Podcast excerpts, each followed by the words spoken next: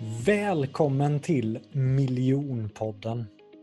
Det finns tusentals föreläsare, coacher, konsulter där ute, men bara ett fåtal kan faktiskt försörja sig på det. Så frågan är, vad är det de personerna gör annorlunda? Varför lyckas vissa personer som föreläsare eller coach och vissa misslyckas? Det jag vill beröra i den här podden, det är det affärsmässiga med att vara en föreläsare, coach eller frilansare. Hur säljer man in sina tjänster? Hur paketerar man sitt erbjudande? Hur ska man marknadsföra sig själv? Hur ska man approacha sig själv i sociala medier? Hur bygger man varumärke? Detta och mycket, mycket mer kommer jag intervjua några av Sveriges främsta experter inom området. Jag själv, Jonathan Ljungqvist, har 10 års erfarenhet från att jobba i den här branschen och jag har också jobbat för och med några av världens främsta coacher. Så att jag är så taggad och inspirerad att ge dig som sitter här och lyssnar hemligheterna bakom det affärsmässiga med att lyckas som föreläsare, coach eller frilansare. Nu kör vi igång! Idag sitter jag här med legenden Chris Pettersson och äntligen kommer jag få djupdyka i hans mindset. Vad är det som har gjort Chris så otroligt framgångsrik som inte bara föreläsare men också coach och en av grundarna av eh, MyFlow.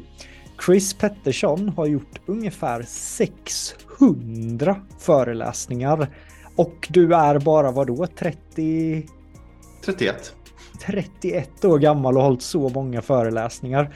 Men det som jag blev ännu mer imponerad över skulle jag säga var att när jag lärde känna Chris så jobbade han som försäljningsansvarig, en av de som var försäljningsansvariga på TV4, där han hade ansvar under sin period där för att coacha mellan ungefär 67 000 människor, vilket jag kände vara wow, vilken erfarenhet Chris sitter på i den här åldern.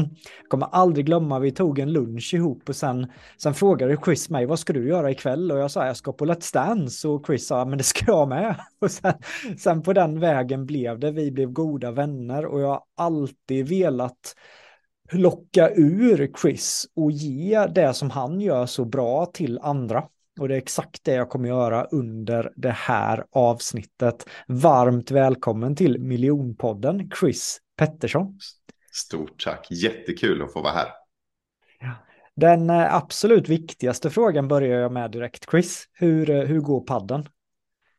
Eh, padden, eh, går, padden går alltid sådär. Det är bara det att du vet, hand, handledströtthet och liksom fotledströtthet, det är mina stora akilleshälar i det här.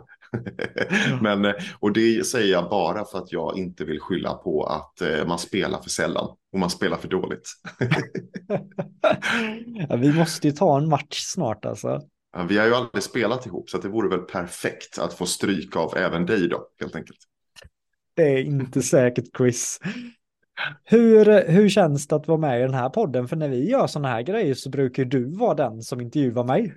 Ja, alltså jag satt precis och tänkte på det bara för 30 sekunder sedan att så här, ja men nu gör Jonathan ett intro om mig och det känns jättemärkligt för det är liksom så här, det brukar alltid vara jag som sitter på andra sidan bordet.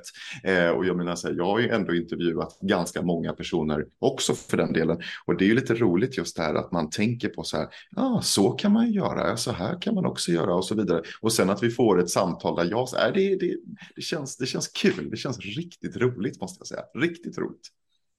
Har du några tips? För det här är också en av dina styrkor kopplat till att intervjua. Har du några tips till mig, Chris, inför den här intervjun? Du som är mer Oj. erfaren än vad jag är med att ja, men... intervjua. Ja, men jag skulle säga så här att få personen att glömma bort att den är i en intervju. Det är det absolut bästa man kan göra. Få personen att glömma bort att det är en kamera, att det spelas in, alltså så tillvida att man eh, är fullt medveten om vad man säger såklart, men eh, Eh, givet då att man också kan slappna av. Så att få personen att känna sig liksom hemma i situationen. Det är liksom, och sen vilka sätt man får, man kan göra det på. Det finns ju massor av olika sätt. Och det främsta jag skulle säga är då att bilda en relation. Kan man bilda en relation snabbt med en person man ska intervjua? Nu har ju du och jag en relation för att vi känner ju varandra eh, väldigt, väldigt väl och jag känner din familj och så där också. Så att det, det är liksom det blir ju redan familjärt oss emellan på en gång. Men har man en ny person, alltså en person som man kanske inte känner, då handlar det om att få den personen att förstå att så här, jag vill att det här ska bli en bra intervju. Och när båda går in med den insikten och när det finns liksom en ärlighet i det och en uppriktighet och ett förtroende, ja, men då, då blir det per automatik en bra intervju. Sen kan det ju ta olika vägar och så där. Men, ja, för den sakens skull direkt eh, smattrade värde ur dig Chris. smack, smack, smack, smack, smack. du är ju som sagt en av Sveriges mest bokade föreläsare. Om jag eh, har läst rätt. Vad, eh, vad, vart började allting för dig Chris? Kopplat till att stå på scenen, kopplat till att börja föreläsa?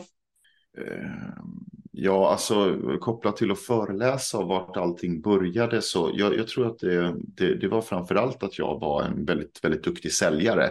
Ehm, jag var väl, eh, alltså jag har ju vunnit eh, lite priser och sådär för försäljning också eh, och ehm, varit på sådana här sales awards och, och så, så klassiker liksom. Sen så tog jag mig vidare och tänkte liksom så här, för att jag fick hålla, jag kommer ihåg det, jag fick hålla en utbildning eh, angående då hur man skulle sälja en viss typ av produkt som företaget jag jobbade på. Ja, men det, vi, vi fick liksom inte riktigt försäljningen att börja funka och då fick jag eh, äran, får man väl ändå säga, att börja liksom bara utbilda de andra säljarna i det. Så att jag var liksom en så här train the trainer eller liksom coach, liksom att jag coachade dem som, som jag även satt och, och arbetade tillsammans med. Och sen så kom jag ihåg det att jag, jag höll då den här första säljutbildningen. Och ehm, eh, alltså när jag, var, när jag var liten, när jag var eh, yngre då, jag kommer ihåg det, jag hade inte så där jättemycket talang. Eh, jag var ganska så, jag var ganska så medioker i skolan. Eh, jag hade inte så bra betyg. Jag var inte så bra på någon sport. Jag var rätt, rätt okej okay på, på, liksom, på kampsport och sådär. Var på väg att, att ta svart bälte och så. Um, men, men jag var inte... Jag, jag, jag, kände mig ganska medioker hela min, min uppväxt. Liksom. Um, och till det så hör ju att jag, jag blev liksom utsatt för mobbing och liknande. Men det, det har jag liksom pratat så himla mycket om. Men, men bara för att liksom, ni ska förstå känslan, ni som lyssnar på det här. att Eh, känslan var att så här, jag visste inte om jag var bra på, riktigt bra på någonting överhuvudtaget. Och då hittade jag säljet när jag var ganska ung. Jag hittade liksom säljet när jag var så här, ja, 15-16 någonstans. Och då insåg jag så här, shit, jag kan ju påverka min egna framtid. Genom att sälja så kunde jag, för jag menar så här, mina föräldrar hade inte råd med märkeskläder eller liksom att så här, jag skulle kunna få äta ute varje dag och så vidare. Eh, och, och så vidare. Utan det var ju liksom så här, mamma sa ju det, så här, ja, vill du ha ett par liksom G-Star 96 finns, då får du köpa det själv. Liksom. Så, och det tycker jag är helt fair. Så att när jag då blev säljare Fick min första lön. Vi hade enbart provision, ingen grundlön. Vi satt och sålde liksom eh, aloe vera-kapslar på abonnemang och Bamse-tidningar. Och sen därefter så liksom, liksom plockade jag ut min första lön på 8000 kronor. Och jag har liksom aldrig varit lyckligare i hela mitt liv när jag kunde gå och köpa de här G-Star 96 jeansen och när jag kunde gå och käka min första kebabtallrik. Nej men du förstår vad jag menar. Det finns liksom en sån, alltså det finns en sån lycka i att uppnå det som jag idag kan tycka så här, men det är väl ingenting att liksom gå och köpa ett par byxor och en kebabtallrik. Men, men att förstå att, så här, att när man går ifrån att så här, insikten snarare, att jag har, jag kan inte påverka min verklighet till, jag kan fan göra allt. Det är liksom den största lyckan en människa kan producera tror jag. Att inse att så här, jag är kapabel till så här mycket. Eh, och det var samma känsla som in, eh, infann sig när jag gjorde den där första föreläsningen. För att när jag insåg att jag var bra på försäljning, samma sak hände när jag insåg shit, jag är ganska bra på det här med att prata inför folk. Jag vill ändå bara ehm, pausa där Chris. Ja, förlåt. Eh, men, men för jag tycker det är så spännande. Du är 15-16 år och där får du en mm. insikt att du är grym på försäljning. Var det för att du hade pluggat någonting eller vad hände där egentligen som fick dig att känna att jag är grym inom försäljning. Och vad gjorde du framförallt? Men jag, jag, så här, det, nu, nu, ska jag faktiskt dra in en eh, annan person som jag tycker har väldigt mycket bra insikter i det här och det är Mikael Arndt. Eh, Mikael Arndt pr pratar om det här att, man, att man verkligen bör och ska plugga försäljning. Och han, han säger det så jäkla bra, liksom så här, att merparten av Sveriges säljare tar inte tillvara, han säger det mycket hårdare ordalag, men jag säger så här, de flesta säljare tar liksom inte tillvara på sin fulla potential eh, för att man pluggar inte och så är det verkligen. Och samma, men samma sak var det med mig. Jag hade liksom omedvetet pluggat på de här sakerna. Eh, men utifrån då att jag hade hela tiden velat bli bättre på att prata, velat bli bättre på att argumentera, velat bli bättre på, inte att få folk att göra som jag vill, det är inte det jag menar, utan snarare mer så här, velat få människor att någonstans hålla med mig i saker eller att vara med mig eller att gilla mig eller att tycka om mig eller bilda liksom en snabb relation med mig. För att det var ju en överlevnadsteknik när jag var mindre och var mobbad. Så det fanns ju liksom hela tiden i mig så fanns det ju hela tiden den här tyck om mig, tyck om mig, tyck om mig och gör det fort liksom. Och eh, det kunde jag ju använda sen i försäljningen när jag insåg liksom så här ett, jag är duktig på att prata. Två, jag är hyfsat duktig på att få, få de flesta att gilla mig. Och nummer tre, jag hade sån jäkla motivation till att säga att jag ville så gärna dels vara duktig på någonting och dels kunna liksom komma någonstans. Dels att få känna så här, fan, jag, jag, jag kan göra det här själv. Jag kan skapa det här själv, för mig själv. Så. Att få dem att tycka om dig snabbt, det var en av nycklarna. Hur, hur gjorde du det mot kunderna? Vad specifikt behövde du göra för att det skulle ske? Eh, ja, men det, finns ju, det finns ju tre sätt. Det är inte jag som har kommit på de tre sätten, utan det här är ju liksom grundläggande psykologi för relationsskapande. Men ganska tidigt så insåg jag ju liksom att det var så här, även om jag inte hade kommit i kontakt med just den här teorin. Och det första egentligen, det är ju liksom visa på någon slags ärlighet. Alltså det vill säga att personen vet att så här, okej, okay, men det du säger stämmer helt enkelt. Det, det är liksom den första delen. Um, och det ser man ju enligt alla undersökningar också, att ärlighet visar också att om man har ett ärligt uppsåt, ett ärligt intryck eller ett ärligt uttryck, så visar det också att en person direkt kan börja. Det är liksom det är så här, the ground foundation för att vi ska kunna bygga en relation överhuvudtaget. Det är nummer ett. Nummer två, det är att vi kan bilda ett gemensamt mål. Eh, om vi kan hitta ett gemensamt mål med den här intervjun, Jonathan, då blir det per definition en bra intervju. Eh, sen kanske inte det blir den bästa intervjun som någonsin har gjorts, men det blir åtminstone åtminstone en intervju där båda vet att vi vill samma sak, liksom, där vi har ett gemensamt mål. Um, och sen så nummer tre, det är att man också skapar liksom, till slut då när man inser att så här, men du, um, du är ärlig, jag är ärlig med det här, uh, du vet um, vad jag vill och vi, jag vet vad du vill, vi har ett gemensamt liksom, mål med det här samtalet eller säljsamtalet eller vad det nu än är. Uh, och nummer tre, det är helt enkelt att man också tar sig dit. Uh, som, jag tror att det var 50 Cent som sa det, if you can't if you can't walk the walk you shouldn't talk the talk. Liksom.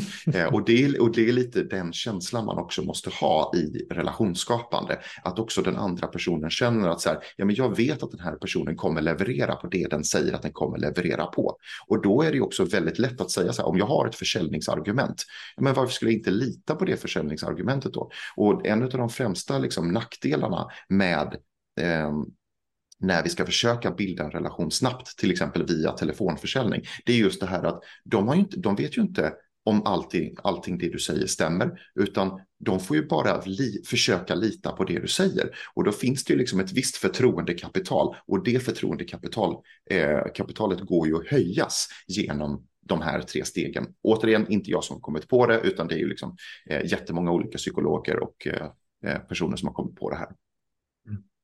Men det är ändå väldigt, väldigt häftigt tycker jag att du som 15-16-åring använder dig av sånt här naturligt.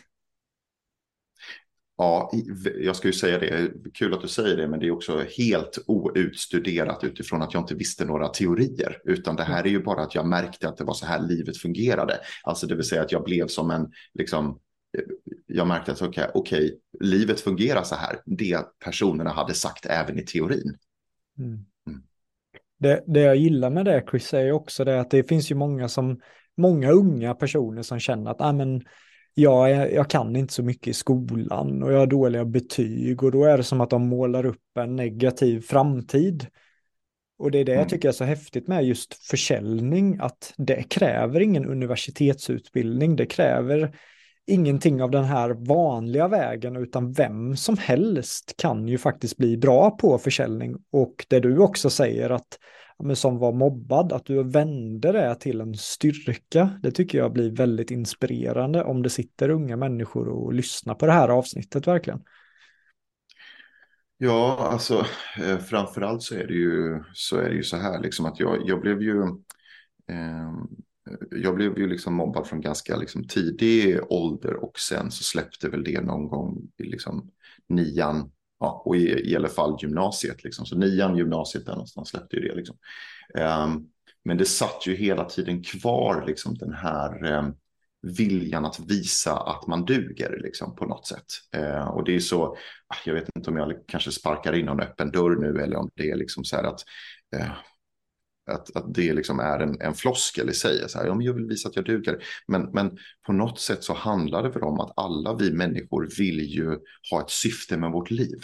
Alltså vi vill ha liksom något slags högre syfte. Och genom att kunna då antingen vara en del av någonting eh, eller att vara liksom en del av en, ett större sammanhang och känna liksom det här att shit, jag kan till tillhöra eller jag kan producera någonting som är bra eller och, och sen finns det ju folk som gör det där till det negativa men det tänker jag att det behöver vi inte prata om men det finns ju folk som, som använder sina drivkrafter för att inte göra så bra grejer men för om man då vill göra någonting produktiv, eh, produktivt och liksom konstruktivt och väldigt bra för sig själv och, och för sig själv och för andra runt omkring då är ju det ett sätt att faktiskt hitta den delen som du är bra på alltså hitta ditt why som man brukar säga eh, varför finns du till? Eller varför är du här överhuvudtaget? Och sen tror jag att så här, mitt why har ju ändrats 80 000 gånger sedan jag liksom började inse att jag kan påverka mitt eget liv.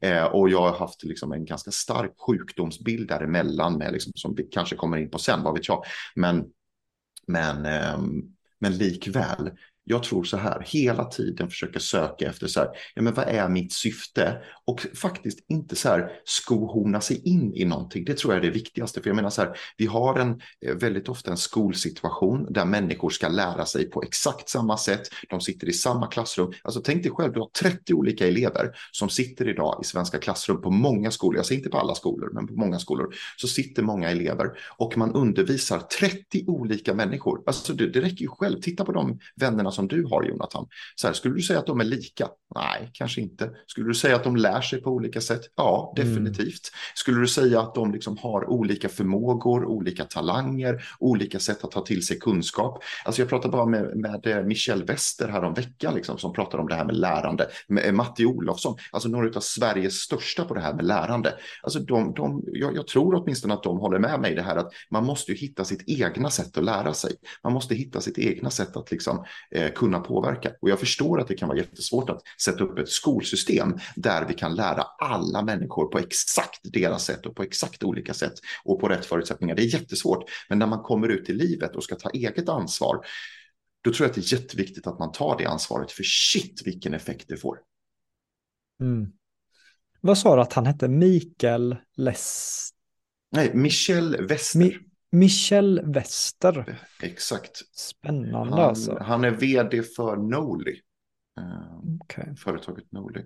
Han är så jäkla vass på lärande. Samma sak Matti Olofsson. Det är liksom de är fantastiska på hur man lär sig, eh, hur man skapar lärande organisationer, hur man liksom får människor. Eh, Matti Olofsson pratar till exempel om det här med att liksom, vikten av att våga sätta upp fötterna på bordet på en arbetsplats.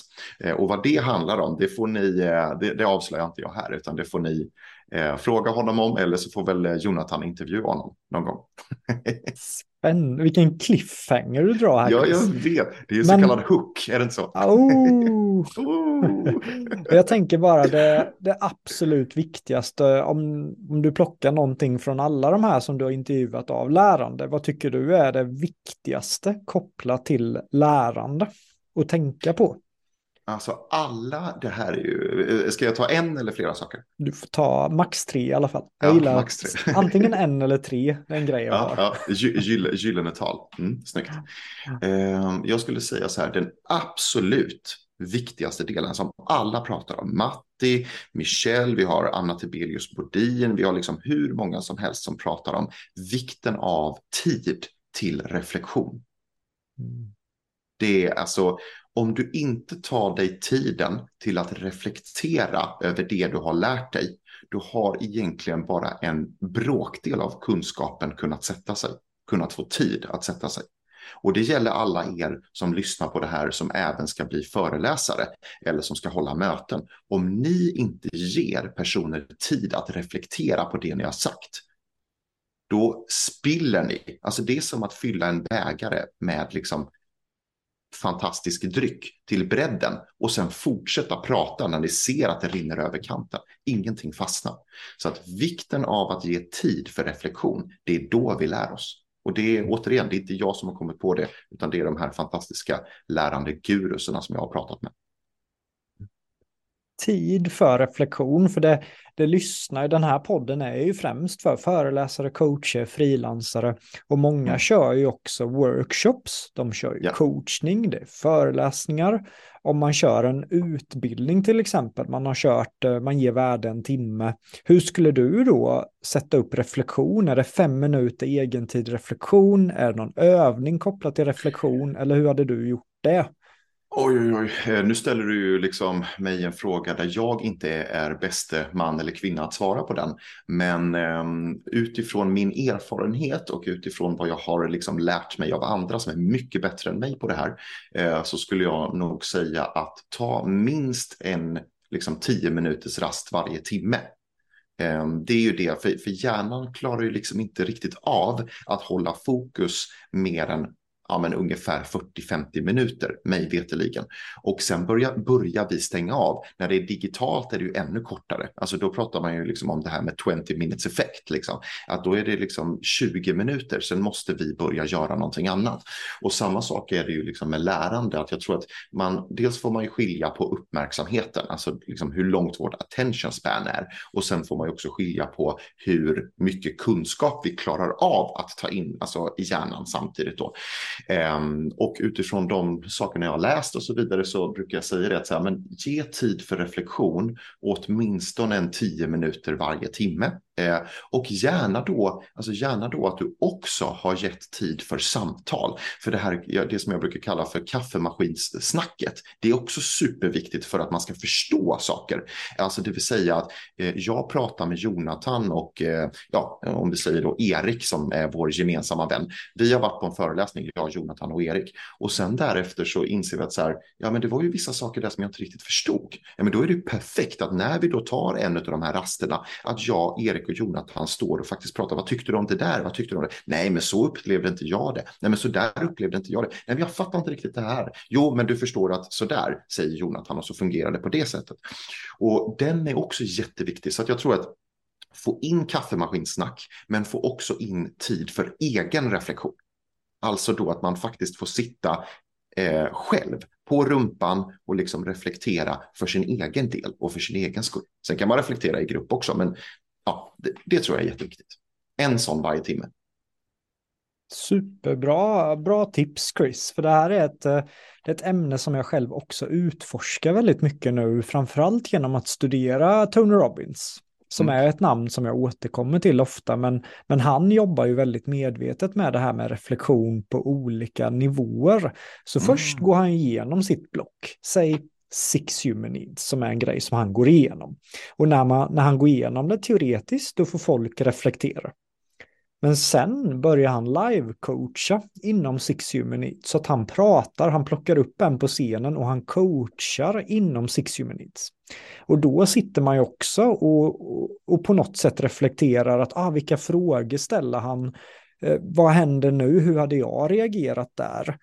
Och sen efter han har gjort det så får man egen tid ungefär 5-10 minuter för sig själv och bara landa, skriva ner tankar och sen sätta han upp oss två och två eller fyra och fyra där man får prata med varandra och sen är det paus. Och, och just den strukturen har jag verkligen tagit in kopplat till att lära ut saker i mina kurser och jag tycker det funkar helt otroligt verkligen. Så att många går ju bara igenom steg ett, man går igenom det teoretiskt och sen nästa. Mm. Och sen nästa. Mm. Men just att mm. jobba med det här fast i flera olika nivåer, I love it. Mm. Mm. Alltså jag tycker det, det är ju en, en ehm, det är ju ett fantastiskt sätt att göra det på måste jag säga. Och Tony är ju liksom mästare på, mm. på den här delen att få människor att liksom någonstans ta till sig hans eh, kunskap. Det är ju en av hans största framgångar. Sen kan ju du mycket mer om Tony Robbins än vad, eh, än vad jag kan. Men eh, det, som, det som jag eh, någonstans liksom reflekterar lite över det är ju det här med att jag tror att vi föreläsare, jag försöker att bli bättre på det. Jag tror att de senaste två åren så har jag blivit mycket, mycket bättre på det. Alltså typ det vill säga att så här, det handlar inte så mycket om att jag måste få ut allt jag vill säga. Utan det handlar också om att få människor att faktiskt tänka på det jag säger. Att få tid på att tänka på det jag säger, att reflektera på det jag säger. Och när jag håller mina föreläsningar nu så brukar jag alltid börja med Alltså jag brukar till och med börja med en reflektion. Jag hade en föreläsning nu för ett par dagar sedan. Um, och där så pratade jag just om det här att direkt när jag kom in så säger det så här, nu är det jätteviktigt att vi alla går in med ett visst typ av mindset. Vi sätter mindset redan innan föreläsningen. Så jag vill att ni skriver ner de här tre punkterna, det som ni tänker på när jag säger det här. Och då börjar man liksom med så här, de går direkt in i reflektionsmode. Förstår du vad jag menar? Så här, går in direkt i det. Därefter kan jag köra då en föreläsning. Jag fick super, super mycket frågor och jag märker ju att de här frågorna baseras ju på de förväntningarna och den reflektionen som de, de tog med sig in i början. Så att jag tror liksom så här, för att inte hamna i den här delen, så här, har ni några frågor? Helt tyst. Utan för att inte hamna i den så är det mycket, mycket bättre att börja få dem att reflektera redan innan. Sätta det som en ground foundation. Sen att återigen bygga på, då har man reflektion där i början. Sen att bygga på med enskilda, det finns ett, en, en jättekänd eh, metod som kallas för EPA. Eh, och det är att man först då eh, resonerar enskilt Eh, och sen så kör man det då i par och sen så kör man det då alla. Det är det som kallas för EPA.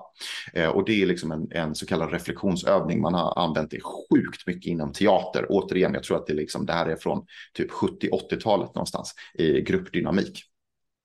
Eh, jag kommer inte ihåg vem det är som kom, som kom på det, men jag kan jättegärna liksom, eh, eh, ja, om det, om det är någon som mm. vet så säg jättegärna vem det var som kom på det så vi kan credda den personen.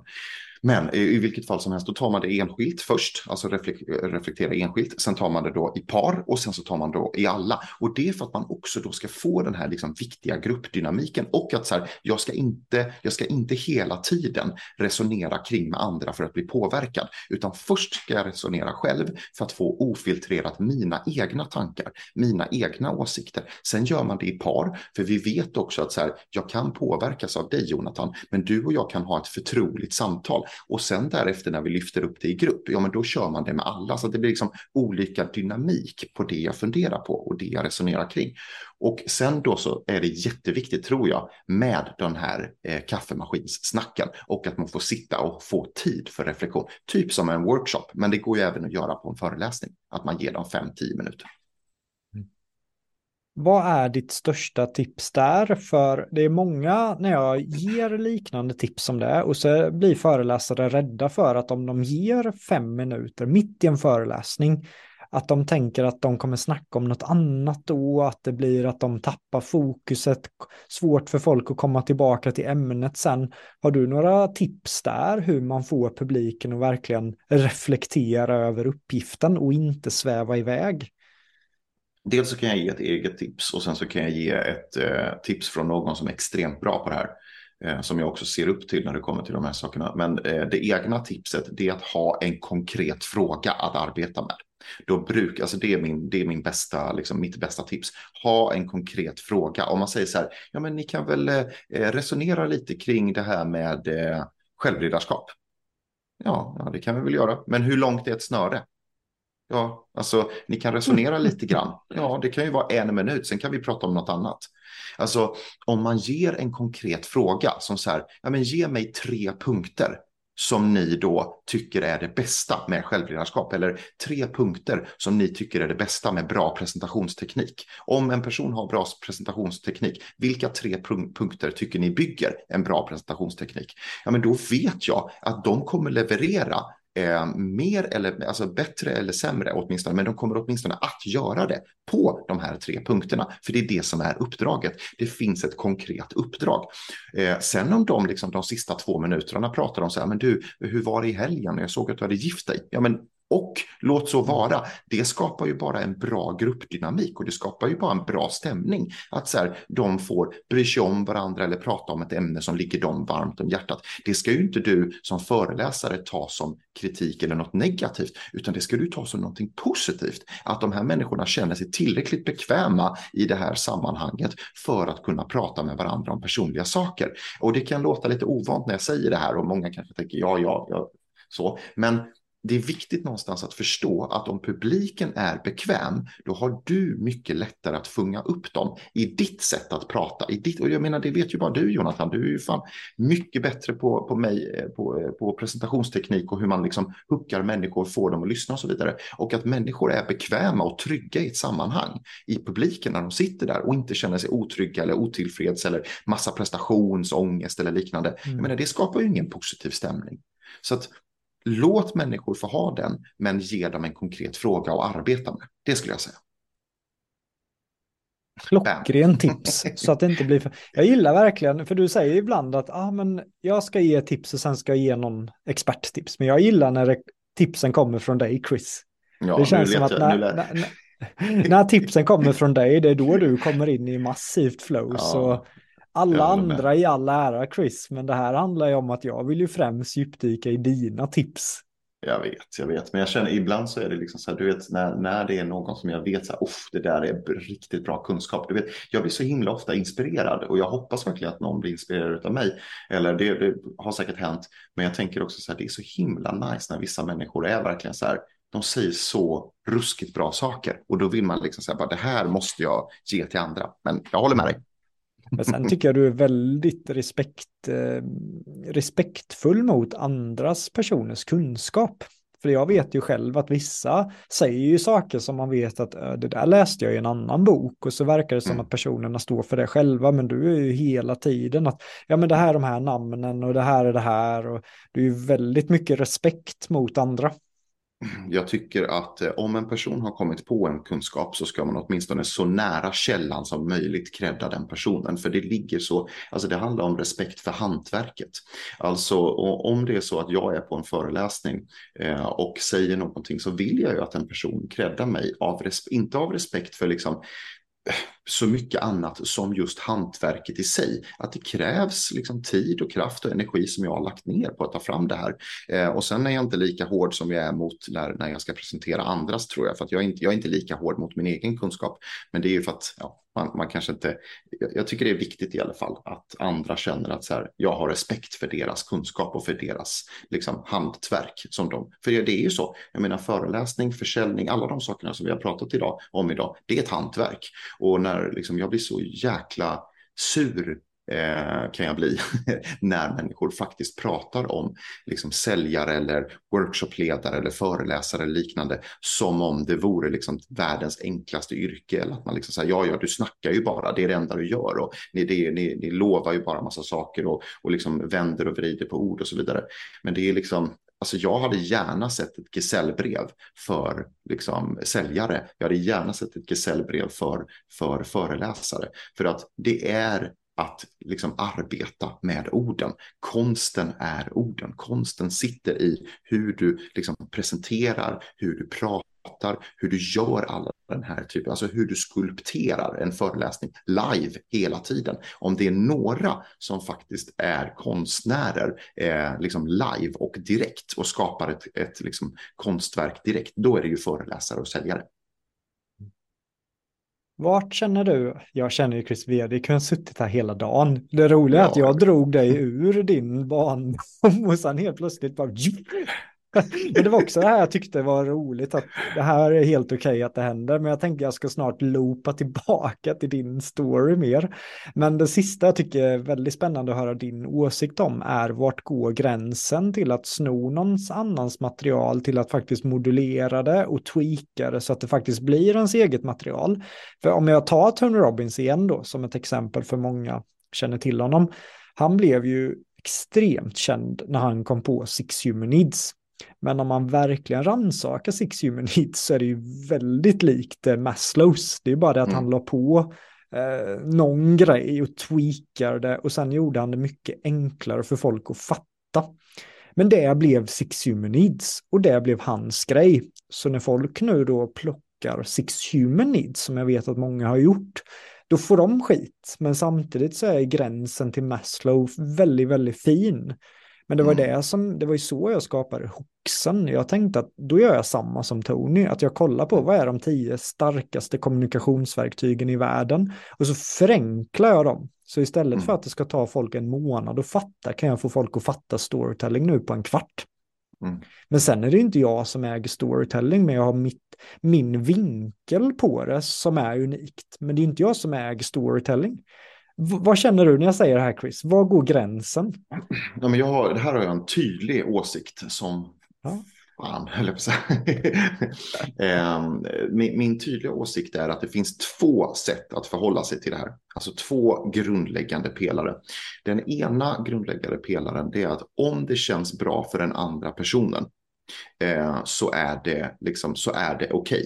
Alltså det vill säga att om jag eh, till exempel säger så här, okej, okay, men jag skulle vilja göra någonting inom kommunikation i sälj och så går jag liksom och hittar Jonathan Ljungqvists hooks och så känner jag så här, ja, men det där skulle jag kunna vidareutveckla eller liksom göra någonting till något annat. Och så har jag liksom gjort någon form av vidareutveckling av det här. Adderat ett värde framför allt, gjort om, skapat, inspirerats utav och sen kan jag leverera det helt enkelt. Helst då till naturligtvis en ny publik. Då tycker jag att det är okej eh, och det främsta då, alltså den första punkten varför jag säger det, det är för att om jag då kan respektfullt fråga Jonathan om så här, skulle du tycka att det här är okej? Och Jonathan säger ja, då tycker jag absolut att man får göra det. Så det, det, i grund och botten så handlar det om att fråga den personen. Alltså fråga, är det okej okay att jag gör så här? Jag skulle jättegärna vilja vidareutveckla din teori. Och så kan man vara ärlig med det sen. Man kan säga så här, de här baseras på Jonathan Ljungqvists hooks, eh, för han är svinduktig inom presentationsteknik. Jag har valt att göra dem liksom så här och skapat en ny metod inom till exempel försäljning eller skapat det här. Liksom. Eh, det är ju lite fult att kanske göra så här, ja nu ska jag bli jätteduktig på presentationsteknik, exakt samma sak som Jonathan håller på med och då sno liksom, och sen göra så vidare. Det kanske är lite känsligare. Men återigen, det viktigaste är att man kan fråga personen, alltså det vill säga är det här okej? Okay? Och om det är okej, okay, ja men då är det ju bara att köra naturligtvis. För då har man visat respekt för personens hantverk. Liksom. Men eh, Sen kommer vi till den nästa fråga, så här, ja, men hur ska Jonathan Ljungqvist fråga Tony Robbins? Det kanske du kan, du kanske liksom har en, ett, ett, liksom, en direkt länk till honom och kan fråga honom. Men de flesta människor har ju inte det, så att säga.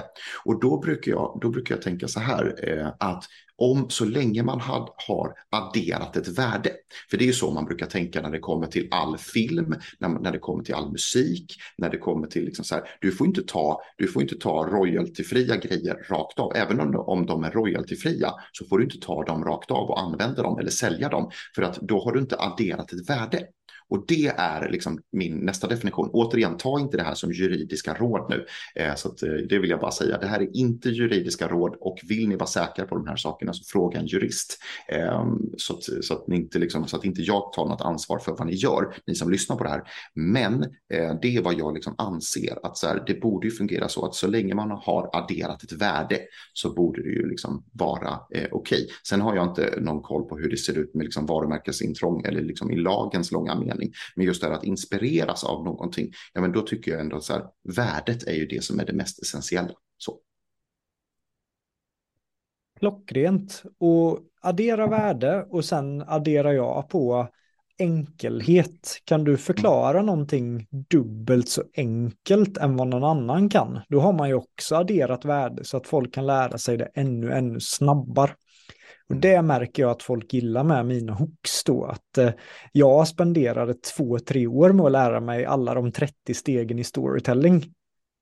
Det var ju liksom helt insane vilken, vilken tid jag la på att lära mig storytelling. Och nu på mina kurser på företagen kan jag få folk att fatta lättare på 15 minuter och det känns riktigt, riktigt fett.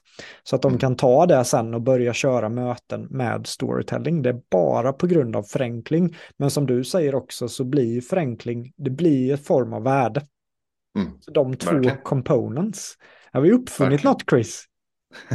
ja, kanske, kanske inte. Men, men återigen, bara för att vara tydlig med det, liksom, så att jag, jag, jag håller väldigt hårt på liksom, sådana här saker och tycker att det, att det är jätte, jätteviktigt. Så vill man vara säker så, så hänvisar jag ändå till liksom, faktiskt att ta kontakt med en jurist eh, och att titta på så här, vad får jag göra? Eh, det finns jätteduktiga eh, jurister i, i Sverige på sådana här saker där man, där man då får reda på vad man, vad man får och inte får göra. Så att återigen, både, både jag och, och Jonathan är ju liksom inga inga jurister och ger ju inga juridiska råd, även om vi kan liksom tycka och tänka och tänka liksom hur, hur, det, hur vi tycker att det kan vara, helt enkelt. Bra tillägg, Chris. Men ja. efter den här långa loopen bort från din story så vill jag hoppa tillbaka där. Du är 15 år, slagit igenom som säljare, känner att du också har potential till att bli en duktig talare. Hur gick tankarna där, Chris? Eh, ja, men tankarna gick väl liksom... Nej, men det, var ju, det var ju framförallt när jag hade gjort mina liksom första, första utbildningar. Eh, och då var jag ju ganska mycket äldre, men, men då, då kände jag liksom så här. Jag kanske inte är, det kanske inte är försäljning jag vill hålla på med, alltså då att sälja eh, hela livet. För så pass bra är jag inte på försäljning. Jag insåg liksom så att jag, det kan vara så att jag skulle kunna vara bättre på någonting annat. Och jag tror verkligen att det är så att vissa personer är superduktiga säljare och de älskar det och vill vara det för alltid. Och det är ju superbra. Och så finns det vissa som tycker att det är jätteduktig, eller eh, som tycker att det är jättekul och är väldigt duktiga på att coach, coacha inom försäljning. Um, och det märkte jag. Liksom att jag är ju mycket bättre på att coacha i försäljning än vad jag är säljare själv. Och det är som man brukar säga, så här, det finns ju, jag menar, eh, de, de bästa fotbollstränarna i världen är inte nödvändigtvis de, liksom bästa fotbollsspelarna.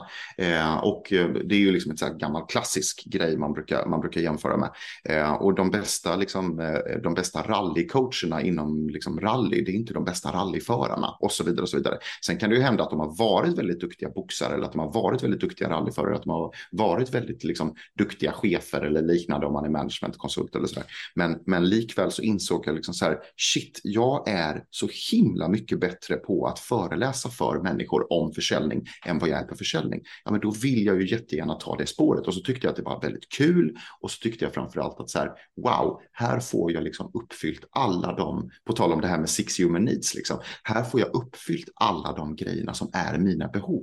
Jag får hjälpa människor, eh, jag får en chans att eh, eh liksom få instant gratification. Alltså, det vill säga, jag ser en applåd direkt när det händer. Eh, jag ser liksom eh, att människor är nöjda direkt när det händer. Jag får träffa väldigt mycket människor. Eh, innan, jag blev, innan jag blev sjuk så var jag ju liksom både extrovert och social. Nu är jag ju liksom introvert och social, men, men liksom, det var också en sak. Jag fick liksom skaka hand med ja, 900 nya människor per år och älskade det. Liksom. Alltså det var ju liksom fantastiskt roligt. Så att det var, det var liksom så mycket av mina grundläggande behov som drevs av att jag fick bli föreläsare. Men då var du först föreläsare inom ditt jobb kan man säga. Ja, exakt. Och när insåg du att oj, det behöver jag inte vara, utan det här kan jag faktiskt göra karriär på? Eh, direkt när jag började YouTuba föreläsare. Vem, liksom... var, vem var förebilden för en ung Chris Pettersson när du youtuber? Ja, Oj, men du vet att det var ju liksom, eh, alltså redan, redan innan så var ju, med tanke på att jag hade ganska mycket existentiell ångest och ganska mycket dödsångest och liknande och alltid haft liksom, så var ju mina största förebilder liksom filosofer, till exempel Alan Watts eh, och eh, ja, dylika personer. Men sen så förstod jag, så här, för de höll ju väldigt speciella liksom, seminars och väldigt speciella workshops och så vidare. De, det mm. fungerar ju på, liksom, på ett annat sätt när det liksom, kommer till de här liksom, 60, 70 och 80-tals personliga, eh, personlig utveckling grejer. Liksom. Men sen så började jag ju då liksom, liksom kolla in på typ eh, Jim Ron till exempel, Napoleon Hill, eh, Les Brown framför allt. Les Brown var ju liksom så här, verkligen en person som jag såg upp till superlänge angående föreläsning och det gör jag väl fortfarande i och för sig, men, men eh, man, man hittar ju olika hela tiden. Um, så där var ju de första, liksom så här, Jim Ron, Les Brown, Napoleon Hill, så, som jag verkligen eh, som jag verkligen, verkligen fastnade för. Och det är för att så här, de har ju deras alltså, avvägning av storytelling, kunskap och liksom inspiration, motivation är så himla fint avvägd på guldvåg. Alltså den är ju liksom fantastisk i linje. Kolla bara på, eh, kolla bara på när Les Brown, den, den, eh, den eh, tycker jag att alla ska titta på. Eh, det är när Les Brown kör, jag tror att det är någon gång på 80-talet, slutet 80-tal, så kör han i Atlanta Dome.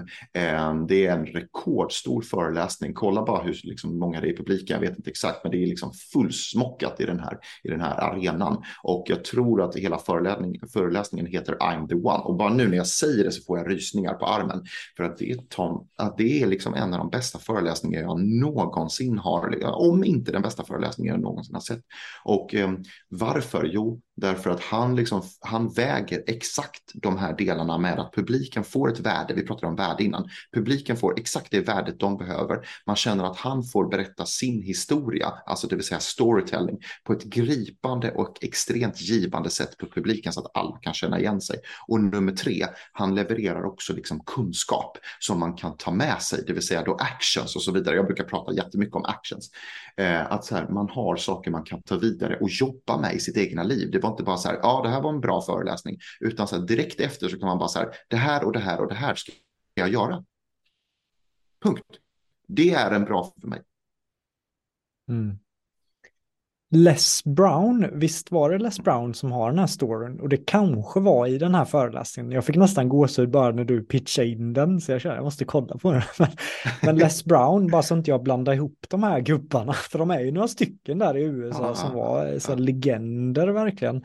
Men Les Brown hade väl en story där han först ville bli radioproducent. Mm. Exakt. Och Exakt. Eh, i början gick det ju inte så bra, men han bara fortsatte ju att träna på skillsen så att när mm. chansen mm. väl kom, då skulle han ta den chansen. Mm. Och chansen mm. kom ju. Och när han väl fick chansen så hade han ju tusentals timmar där han tränat på skämt och dialekter och han har liksom sett de här scenarierna tusen gånger i sitt huvud. Och det tyckte jag var så häftigt och många föreläsare och coacher kan ta med sig det, att man kommer få den här massiva chansen som har potential att tiodubbla hastigheten i ens karriär. Mm. Men många kanske inte gör grovjobbet innan för att när, man, när chansen väl kommer, att man verkligen tar den. Exakt, men precis så är det. Det är ju, det är ju precis som han säger också i, i exakt den här föreläsningen så säger han det. Ja, ah, det, är, det är den. ja, bland annat. Alltså, han säger det en massa gånger, men bland annat så säger han det så här. Det är bättre att vara förberedd på någonting som kanske kan hända än att, vara, än att inte vara förberedd och att, det, liksom, och att det då händer och så står du där och inte kan ta vara på chansen. Liksom.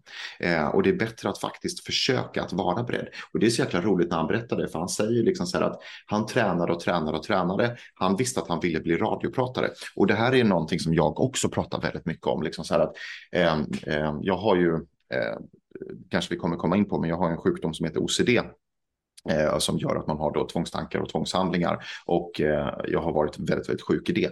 Och det är ju mycket av det jag pratar om i mina föreläsningar. Och just det här att försöka att hela tiden närma sig sitt mål, det är ju väldigt tydligt för en person som har mycket ångest. Att så här, om jag är en fotograf som vill bli en av världens bästa fotografer, ja men då, då vet jag ju också att så här, då ska jag och bör söka mig till liksom, saker som ligger bakom min ångest. Alltså lägg dina mål bakom det du tycker är jobbigt, det du tycker är ångestfyllt. Så att om du är en höjdrädd fotograf, ja men försök då att lägga det roligaste, bästa, mest fantastiska och mest välbetalda gigget du kan bakom att behöva kliva upp på en bergstopp.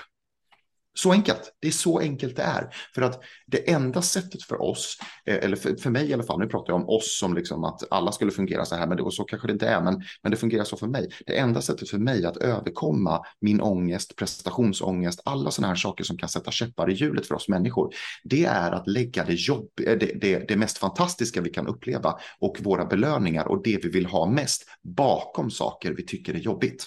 För då kommer vi att få motivation att göra det. Det är, liksom, det är mitt största enskilda tips till dig som lyssnar på det här. att om du vill ha någonting, se till att försöka lägga det bakom någonting som du tycker är riktigt jäkla jobbigt.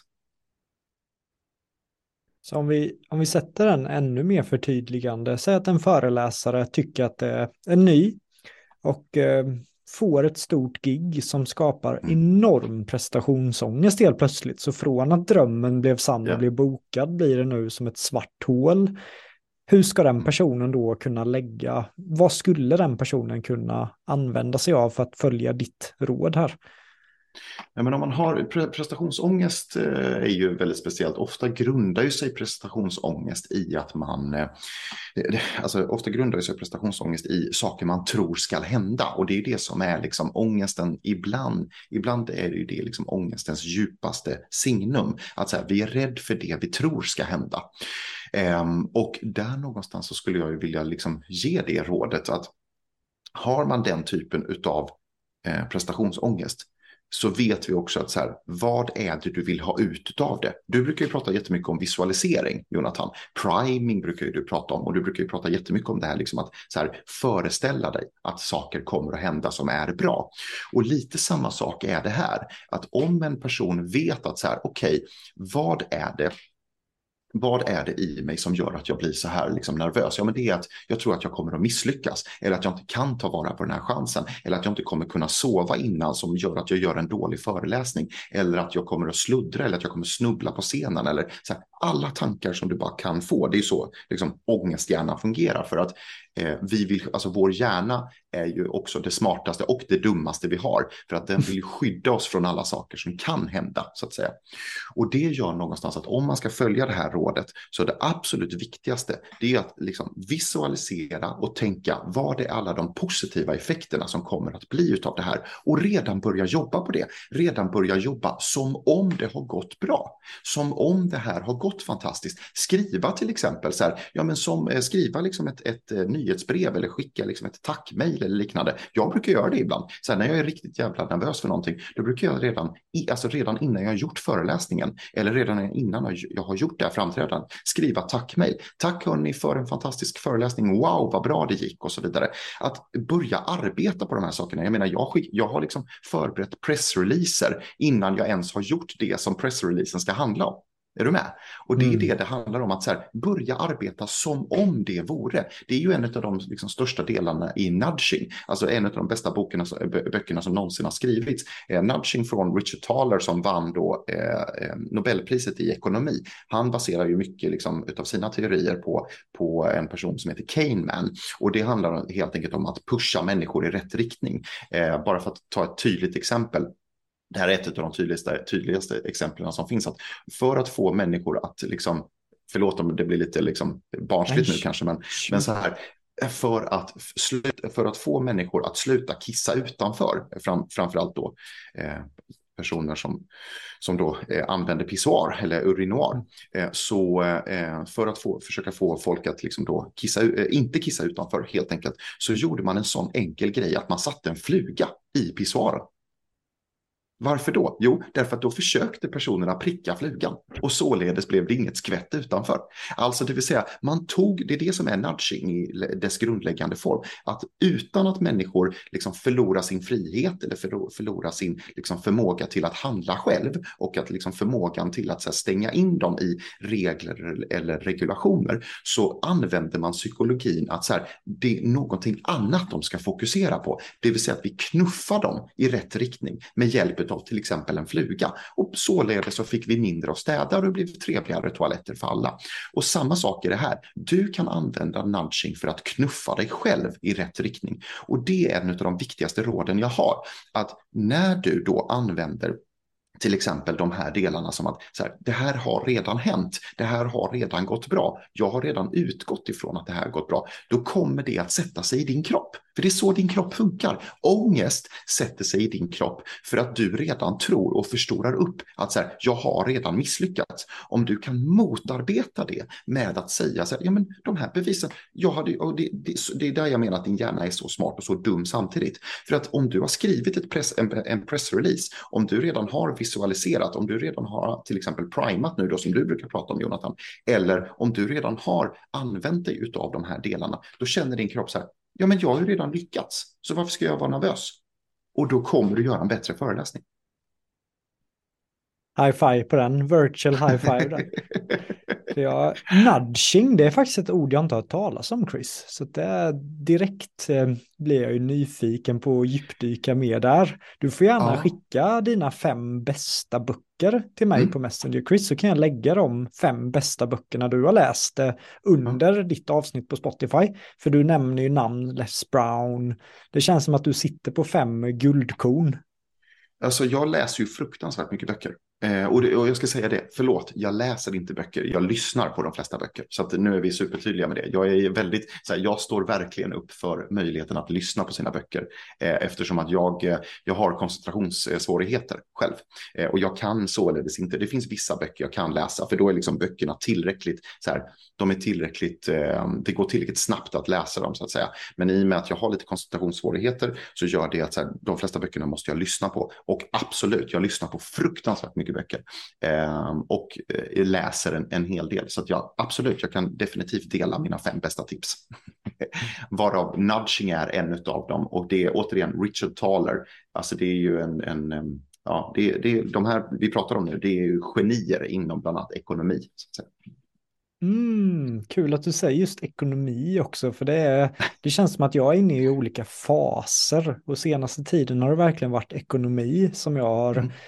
Eftersom jag har träffat så många kunder framför allt som omsatte miljoner och tjänar så mycket pengar och nu är de pank. Mm. Eh, på grund av att de har varit osmarta med sina ekonomiska strategiska drag och jag känner bara att nu när mitt företag går bättre än vad det någonsin har gjort, då vill jag vara smart.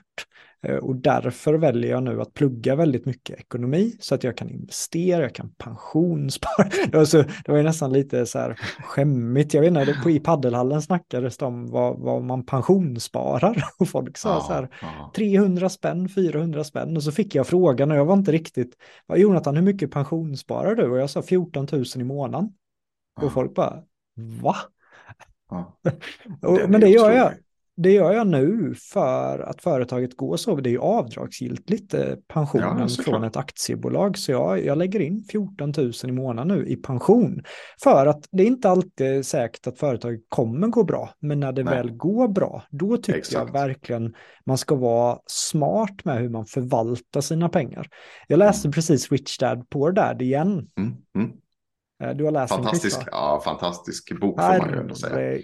Gud, vilken bok alltså. Säkert en av mina topp fem böcker. Har, när läste du den senast? Eh, jag kan säga så här att jag har läst den i, jag har läst den i omgångar. Men sen så är det också så här att jag tror att det var, ja det måste säkert vara en tio år sedan. Jag vet inte om jag kommer ihåg, jag vet inte om jag kommer ihåg så mycket det är ju ofta en bok många börjar med inom personlig utveckling. Så jag hade ju också ja. läst den för kanske sju, åtta, men då var inte det, jag visste inte vad en aktie eller liksom, sådana grejer, jag var inte där mentalt, men att läsa mm. boken nu, det gav, det gav faktiskt väldigt mycket. Mm.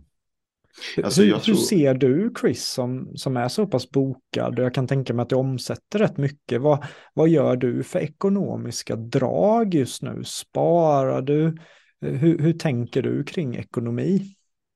Alltså jag skulle nog säga så här att um, de, de, främsta, de främsta delarna inom eh, Alltså de främsta delarna inom just ekonomi som jag skulle ge som liksom absoluta tips, det är att lära sig att trolla med knäna. Eh, och att faktiskt lära sig liksom att så här, lära sig liksom att eh, ge sig själv utrymme att inte bara jaga, jaga, jaga hela tiden, utan att också ge sig själv eh, utrymme att faktiskt bilda en relation med en eller två eller tre eller fyra kunder och att faktiskt liksom utvinna ett värde där som känns bra för alla parter. Jag brukar säga det att liksom så här, man ska absolut inte ha liksom ett äppel i sin korg så att säga, eller ägg brukar man i och för sig prata om, förlåt, mm. att man liksom så här, alla ägg i samma korg.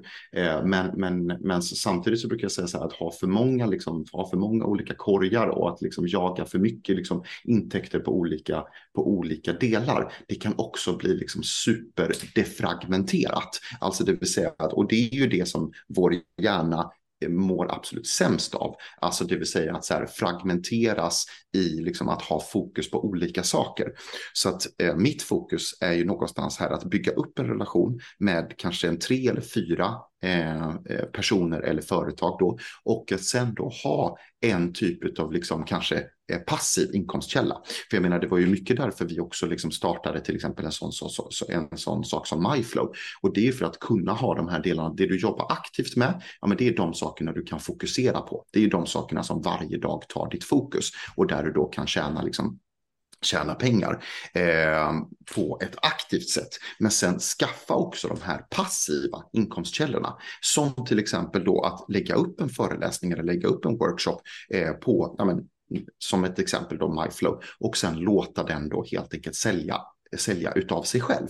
Alltså det vill säga att man bara låter den ligga och skapa värde för människor. Och jag menar då kommer du också få, eh, om det är så att du också lyckas med de här passiva intäkterna som får folk att liksom se dig som en föreläsare eller att, och du behöver inte göra någonting utan du lägger ju bara upp den en gång. Eh, bara som ett exempel. Då vet vi också att då kommer ju det leda till att ditt varumärke går upp, din varumärkeskännedom går upp och du kommer dessutom att få mer gig och mer bokningar i slutändan för att de bara säger just det, det var ju det jag såg. För att det är så marknadsföring funkar. Marknadsföring funkar ju på sättet genom att så här, det är inte, eh, och alla som är duktiga marknadsförare eller marknadschefer vet ju det här, att det är knappast så att du kommer visa en schamporeklam en gång och sen köper du det schampot. Utan det här handlar ju om varumärkeskännedom där du måste visa ett och samma budskap kanske fem, sex eller sju gånger i snitt för att en person ska kunna bli attraherad av varumärket och liksom känna igen varumärket. För det är i igenkänningen som det ligger. Alltså det är ju därför man brukar säger det att de flesta de flesta människor, om man inte liksom slår igenom inom sin bransch eller blir känd eller liknande, så slår man ju oftast inte igenom år ett. Varför då? Jo, därför att varumärkeskännedomen och relationen till människor har inte byggts upp. Och det skulle jag liksom satsa på när det kommer till just ekonomi. Det är nummer ett, att ha flera olika inkomstkällor, men att, alltså aktiva då, men att inte ha för många, för då blir du, liksom, eh, då blir du fragmenterad. Eh, och det blir jättesvårt att hålla reda på. Det blir mycket stress och det skapar mycket liksom så här i, i dig, att du inte kan hålla reda på det, utan bygg på relation. Eh, nummer två, det är att ha en passiv inkomstkälla som gör att du kan bygga varumärke och liknande.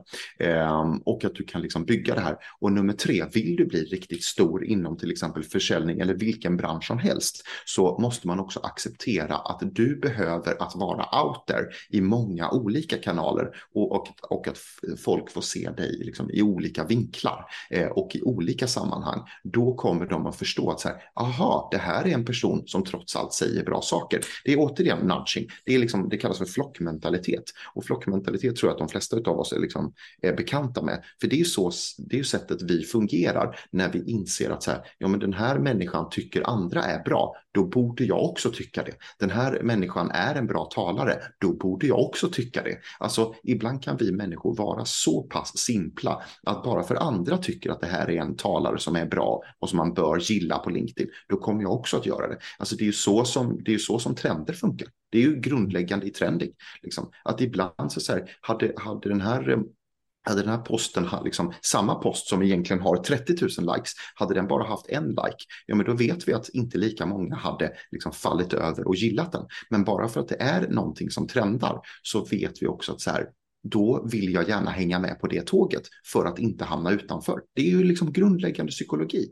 Alltså det, det är ju mm. liksom absolut grundläggande psykologi och eh, återigen bara för att liksom dra det till sin liksom absoluta spets. Sen finns det saker då som, eh, som det här ägget, eh, om du kommer ihåg det som fick, eh, jag tror att det var kanske Khloe Kardashian en av Kardashians var det i alla fall, systrarna, mm. så hade man då så här, kan det här ägget få mer likes eller mer följare kanske det var, än då en av de här systrarna, systrarna Kardashian. Um, och, um, och det lyckas ju för att det är, så här, det är ett sånt genidrag, men det händer ju inte hela tiden, utan oftast så bygger ju de här delarna på att liksom, man blir viral eller får publicitet och därefter så får man ju exponentiellt mer publicitet på grund av att man ser att så här, ja, men det här borde jag gilla, det här borde jag tycka om. Mm. Var det framförallt det här du då gjorde själv för att ta dig framåt, börja sälja dina tjänster, att du syns i olika sammanhang, du bygger varumärke under lång tid, inte bara Exakt. kort tid. Det var främst Exakt. det här då som, som var ditt framgångskoncept. Eh, precis, jag tror, jag tror framför allt att jag, eh, sen är det inte så att jag får mest likes på sociala medier. Jag har liksom haft ett, ett par trendande inlägg, men det är inte som att jag är liksom den största på sociala medier, eh, utan det finns ju talare och workshopledare och eh, experter som har mycket större sociala medier eller kanaler än mig. Men däremot att jag syns i sammanhang mot de kunderna som jag vill attrahera. Det vill säga så här, jag syns i sammanhang där jag vet att mina kunder hänger. Rätt forum eller rätt personer eh, som jag vill eh, umgås med. Sen är det så att de flesta av mina kunder eh, vet jag att de vill göra saker med mig och de vet att jag vill göra saker till, med dem. återigen, vi går tillbaka. Ibland så är det så att de kanske skiter fullständigt i hur många likes jag har på sociala medier eller hur mycket jag trendar eller hur mycket jag syns eller hur populär jag är i den stora massan. Utan det handlar snarare mer om att så här, de här personerna vet att jag är bra för de har liksom sett kvalitetsstämplar på det. Jag har varit i rätt sammanhang där de vet att andra personer kan gå i god för att det jag skapar är en bra sak. Och sen så märker de också, precis som det jag sa tidigare, eh, att så här, eh, jag jag gör det jag säger och jag säger det jag gör när det kommer till då just att så här, och säger jag att så här, ja, men det här skulle jag kunna leverera på så kan jag göra det. Och det skapar ett förtroende och det skapar ju liksom den här vidare kulturen att andra rekommenderar mig. Och det är liksom allt. Alltså det, relationer är allt. Lär dig skapa bra relationer så kommer du liksom aldrig behöva gå utan pengar. Det får nog eh, avsnittet kanske heta. men, men, men det du säger, för det är att synas i sammanhang. När du var när du ledde Hela Sverige samlas där från mm. tv-soffan, då tas det ju massa bilder med dig och alla de här toppkändisarna och de postar bilder på dig, Anna Kinberg Batra, liksom Elaine och alla och, och, till slut känner man ju bara bam, Chris hänger med alla de här, han måste ju verkligen vara grym. För att åter den här flockbeteendesaspekten som du pratar om eftersom man ser dig hänga med alla de bästa så automatiskt så sätter man ju dig i den kategorin. Mm, mm, mm. Så är det ju per automatik. Eh, och jag, jag, tror att så här, det, det, är ju, det finns ju en anledning till varför det finns kändisfester. Eh, och det är ju dels för att naturligtvis att, att det är kul och det är trevligt och så vidare. Men kändisfester är ju också för att kändisar vill hänga med andra kändisar och synas med andra kändisar. Och eh, det blir också liksom så här, det blir också ett sätt att synas och att öka sin följarbas tillsammans med varandra. Alltså det, det, det är ju så det funkar liksom. Att så här, Människor vill gärna synas i eh, rätt sammanhang, antingen på grund av att det är liksom rätt människor, eller alltså rätt människor inom citationstecken, eh, eller Eh, på grund av liksom att man vill synas i sammanhang. Så här, det, det, kanske inte är människorna det beror på, utan det kanske är personerna som är branschledande inom det här. Jag menar, jag, det är väldigt sällan jag tänker på människor, eh, att så här, jag måste vara där den människan är. Om jag inte tycker om den människan eller om det inte är så att jag verkligen så här, uppskattar den människan och tycker att den människan är trevlig, eh, såklart. De flesta jag har liksom som jag kommer i kontakt med varje dag är supertrevliga. Så det, är så väldigt sällan jag, det är väldigt sällan jag träffar någon människa som, som inte är liksom trevlig och liksom sympatisk och härlig. Men, men jag tror att jag mer tänker snarare mer så här, vilka personer är de som är riktigt bra på det jag vill vara bra på? Och så brukar jag försöka vilja hänga med dem. Alltså för att så här, lära mig helt enkelt. Alltså det är ju kunskapstörst. Liksom. Att så här, när, jag, när jag då hänger med Jonathan Ljungqvist, eh, ja, nu, är du i och för sig, nu är du och jag i och för sig privata vänner, så det är ju liksom på, på det sättet så, så kan ju vi hänga av andra sammanhang. Men så här, jag skulle ofta, om det är så att jag vill lära mig någonting nytt, om det är så att jag vill bli riktigt duktig på presentationsteknik, då skulle jag ju gå Jonathans kurs. Då skulle jag ju försöka liksom att bli vän med, med Jonathan på LinkedIn. Då skulle jag ju försöka att liksom så här, hänga i, på ställen där Jonathan och eh, personer som Jonathan hänger. För att det är ju så vi per automatik både blir bättre, både hamnar i det sammanhanget och där vi också skapar en relation. Alltså där vi skapar en relation till människor där vi också vill bli duktiga. Liksom. Det är så det är. Klockan bara sticker iväg. Helt sjukt alltså. Jag har ju egentligen massa mer grejer jag vill fråga dig. Men som jag sa till flera andra av gästerna, vilket också är vanligt i poddvärlden, att man gör ju uppföljande samtal och kanske tar in det igen om ett halvår. Det, det känns som att vi bara skrapar ju på isberget här. Men skulle Verkligen. du ändå snabbt som medgrundare av MyFlow, som jag också gått in som investerare på, vad, mm. vad är MyFlow och hur kommer det förändra branschen, Chris, för föreläsare och coacher? Oj, oj, oj. Eh, så, stor fråga och eh, jag ska försöka göra det så bra jag kan. Eh, jag tror framförallt att det är så här att människor idag vill kunna välja. Alltså om, om jag hade sagt till dig så här Jonathan, ja, eh, nu kommer det en film här på fredag på en valfri tv-kanal och du kan bara titta på den. Eh, du kan bara titta på den klockan sex på fredag. Och du säger så här, men jag vill jättegärna titta på den här filmen. Nej, men det kan du inte om det är så att du inte kan titta klockan sex på fredag. Varpå du säger, men jag kan inte då, jag sitter i bilen då, eller jag är på väg till ett möte, eller jag är på flyget, eller vad som helst. Nej, men det är bara på klockan sex på fredag, annars får du se reprisen på söndag klockan tre. Och du säger så här, men är det så det måste funka? Och den resan har man ju gjort i tv-världen. Är du med? Att så här, man kan det vill säga titta via streamingtjänster, man kan titta vart man vill, när man vill och så vidare.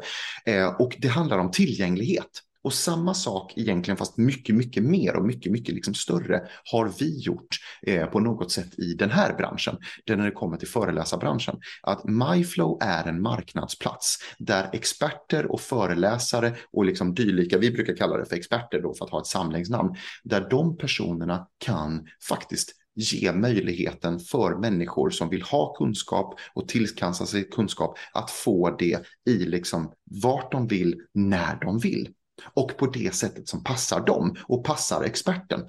Eh, så det är liksom så här lättillgänglig, fantastiskt bra teknik. Allting finns i själva systemet. Allting du kan behöva för att vara expert finns i systemet. Eh, du behöver jag tror inte det i alla fall. Det är väldigt sällan man behöver någonting utanför systemet, mig veterligen för liksom vanligt dagligt arbete som expert eller föreläsare till exempel. Eh, och likadant då som de som vill konsumera det här. Det handlar om friheten att de kan konsumera det och ta kontakt med dig som expert och liksom konsumera innehållet på det sättet som gör att de lär sig bäst och på det sättet som gör att de kan ta till sig den här kunskapen antingen live eller via nano eller via minit som det heter kortare avsnitt eller via längre föreläsningar och så vidare och så vidare. Och det bästa är att man kan göra det i datorn och telefonen och surfplattan. Så det är liksom tillgänglighet. Det är liksom allt det där. Tillgängliggör kunskap. Samma sak, varför startade man biblioteken? Ja, men biblioteken är ju en demokratisering av kunskap. Det var inte bara adel och präster eh, och möjligtvis borgare eh, som skulle kunna få till sig kunskap, utan det var liksom för alla. Kunskap fanns till för alla. Och, samma, och nu sitter inte jag och säger att vi har demokratiserat liksom, så här, föreläsningsvärlden och så vidare. Det är inte det jag sitter och säger, men det finns, liksom något, det finns något fint i att kunna ge kunskap till alla på sättet som passar dem. Helt enkelt. Det tycker jag är, är väldigt bra. Man märker att du är en säljare-quiz med den pitchen. Från höften ja, ja. bara drar du, ja, jag älskar det. Och, och det jag gillar och därför jag också valde att investera i MyFlow, det är ju för att det är lirare som dig. Det är lirare som Robert bakom det som jag litar väldigt mycket på. Och allt mm. annat som jag har varit med i har ju varit amerikanskt. Kajabi mm. och, och, allt det här. Och jag går igång på att nu sitter vi här med ett svenskt superteam och ska göra det här. Och att jag då får en liten tå med i spelet tycker jag känns eh, superspännande verkligen. Mm. Kul att du säger det och jag, jag, jag vill bara säga det, liksom att så här, allting vi gör på MyFlow, eh, det räcker ju bara att gå in och kolla på våra presentationssidor. Vi är människor som har skapat MyFlow. Alltså vi är föreläsare själva, All, nästan allihopa är föreläsare och har hållit föreläsningar själva. Eh, jag tror att 90 procent av oss har gjort det och likadant liksom alla personer som vi tar in som investerare och så vidare. Det är ju liksom människor som aktivt jobbar med det här. Alla vill, nummer ett, alla vill att det här ska bli bra. Nummer två, vi är också människor. Vi arbetar liksom för att vi, jag menar alla utav oss, vi har jobbat jättemycket med olika delar av välgörenhet, vi har jobbat med människor, vi har jobbat med relationer, alltså vi har jobbat med de här sakerna där vi vill att människor ska må bra. Eh, och det är det viktigaste som jag vill säga till dig som lyssnar på det här, att om du inte känner, liksom, när, direkt när du går in på MyFlow, att så här, om du inte direkt känner att så här, wow, det här är gjort för människor, skapat av människor, då vill jag att du kontaktar mig. För att det är den känslan vi vill förmedla. That's it. Vi är, vi är människor som skapar saker för människor. Snyggt Chris. Du har ju nämnt också att du har varit med i andra poddar, eller hur? Mm.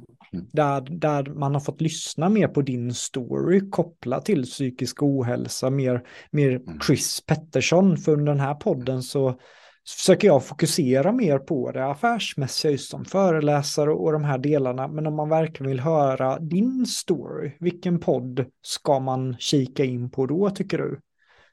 Oj, oj, oj. oj. Um, alltså det kommer ganska mycket här nu framöver eh, mm. faktiskt, ska jag säga. Så om det är så att man eh, vill ha, alltså det är ganska nyligen som jag gick ut med, eh, då i och med att jag har varit, eh, vad säger det för dina tittare och lyssnares skull, att ehm, jag har varit väldigt sjuk i en sjukdom som heter OCD eh, och jag har andra, även andra eh, bokstavskombinationer då, eh, helt enkelt, som jag pratar ganska mycket om, men framförallt OCD. Eh, och eh, den höll ju på att eh, kosta mig livet, helt enkelt, att, att ta mitt liv. Eh, och eh, jag har varit liksom, så pass sjuk att jag har varit sängliggande i OCD. Och om det och mycket mer börjar jag nu berätta mer och mer om och jag har faktiskt växlat över så att alla mina föreläsningar som jag kör publikt är om psykisk ohälsa eller har med psykisk ohälsa att göra helt enkelt. Så att vill man då eh, lyssna mer om de sakerna så får man jättegärna eh, antingen följa mig på LinkedIn eller valfritt annat socialt media, framförallt LinkedIn. Eh, och sen så kommer det även att komma upp mycket, mycket mer här nu, eh, bara inom en snar framtid. Så följ mig så får man, så får man ganska mycket framöver. Det tror jag verkligen många föreläsare och coacher kommer göra, Chris. Det är ju i mina kurser, många vet vem du är, de pratar om dig så du gör ju väldigt mycket bra grejer och jag är väldigt tacksam över att vi har kunnat suga ut kanske 2% av all din kunskap idag i alla fall, men det var ju långt ifrån 100% men jag gjorde så gott ja. jag kunde och, och jag tog åt mig av ditt tips i, i början på det här avsnittet, för jag hade ju egentligen så här tio frågor som jag skulle ställa dig, men i början på det här avsnittet sa du, men få det att kännas naturligt, få det att kännas som att det inte ens är en intervju. Och eh, det är så jag har försökt hålla avsnittet helt enkelt så att eh, vi har kunnat varit väldigt avslappnande tillsammans. Jo, men alltså det är ju det är ganska kul just det här med att sitta på andra sidan bordet. Jag tycker att du har gjort det jättebra, Jonathan, eh, den här intervjun. Eh, och jag tycker framför allt liksom att du har fått det att kännas liksom levande. Och det är ju det viktigaste någonstans. För att jag menar, alla, alla vi som lyssnar och tittar på det här vet hur jäkla grym du är på liksom presentationsteknik och liksom överhuvudtaget att få människor att komma till sin rätt. Liksom. Och nu blir det så här, nu blir det mycket att liksom vi scratchar each other's back som man brukar säga. Eh, och så får det väl vara. Vi ändå kompisar trots allt, så, så liksom, vem kan blamea oss för det? Men men eh, någonstans så tycker jag att det är fantastiskt. Så jag, jag, jag, jag vet inte, jag, jag blir jättemotiverad av att se en människa som jag tycker om prestera i sammanhang där personen kanske inte alltid liksom, har varit 100 procent. Eh, eller liksom att du inte, du har inte gjort liksom 8000 intervjuer utan, utan du är ju fortfarande liksom så här att du vill ju bli bättre på att göra intervjuer. Så jag tycker det är så jäkla kul att se att du ändå gör det här så himla bra faktiskt. Det måste jag verkligen säga. Cred till dig. Tack så jättemycket Chris. Det betyder mycket att höra från en erfaren poddare som, som dig. Mm. Och eh, med det här sagt så vill jag runda av det här avsnittet och jag vill verkligen igen Chris, våran lunch där för fyra år sedan eller vad det var. Du kom in med en taxi och jag var jättenervös för att ens träffa dig, har jag för mig. Och sen när du frågar vad, vad gör du ikväll och jag säger Nej, för första gången i mitt liv ska jag till Let's Dance.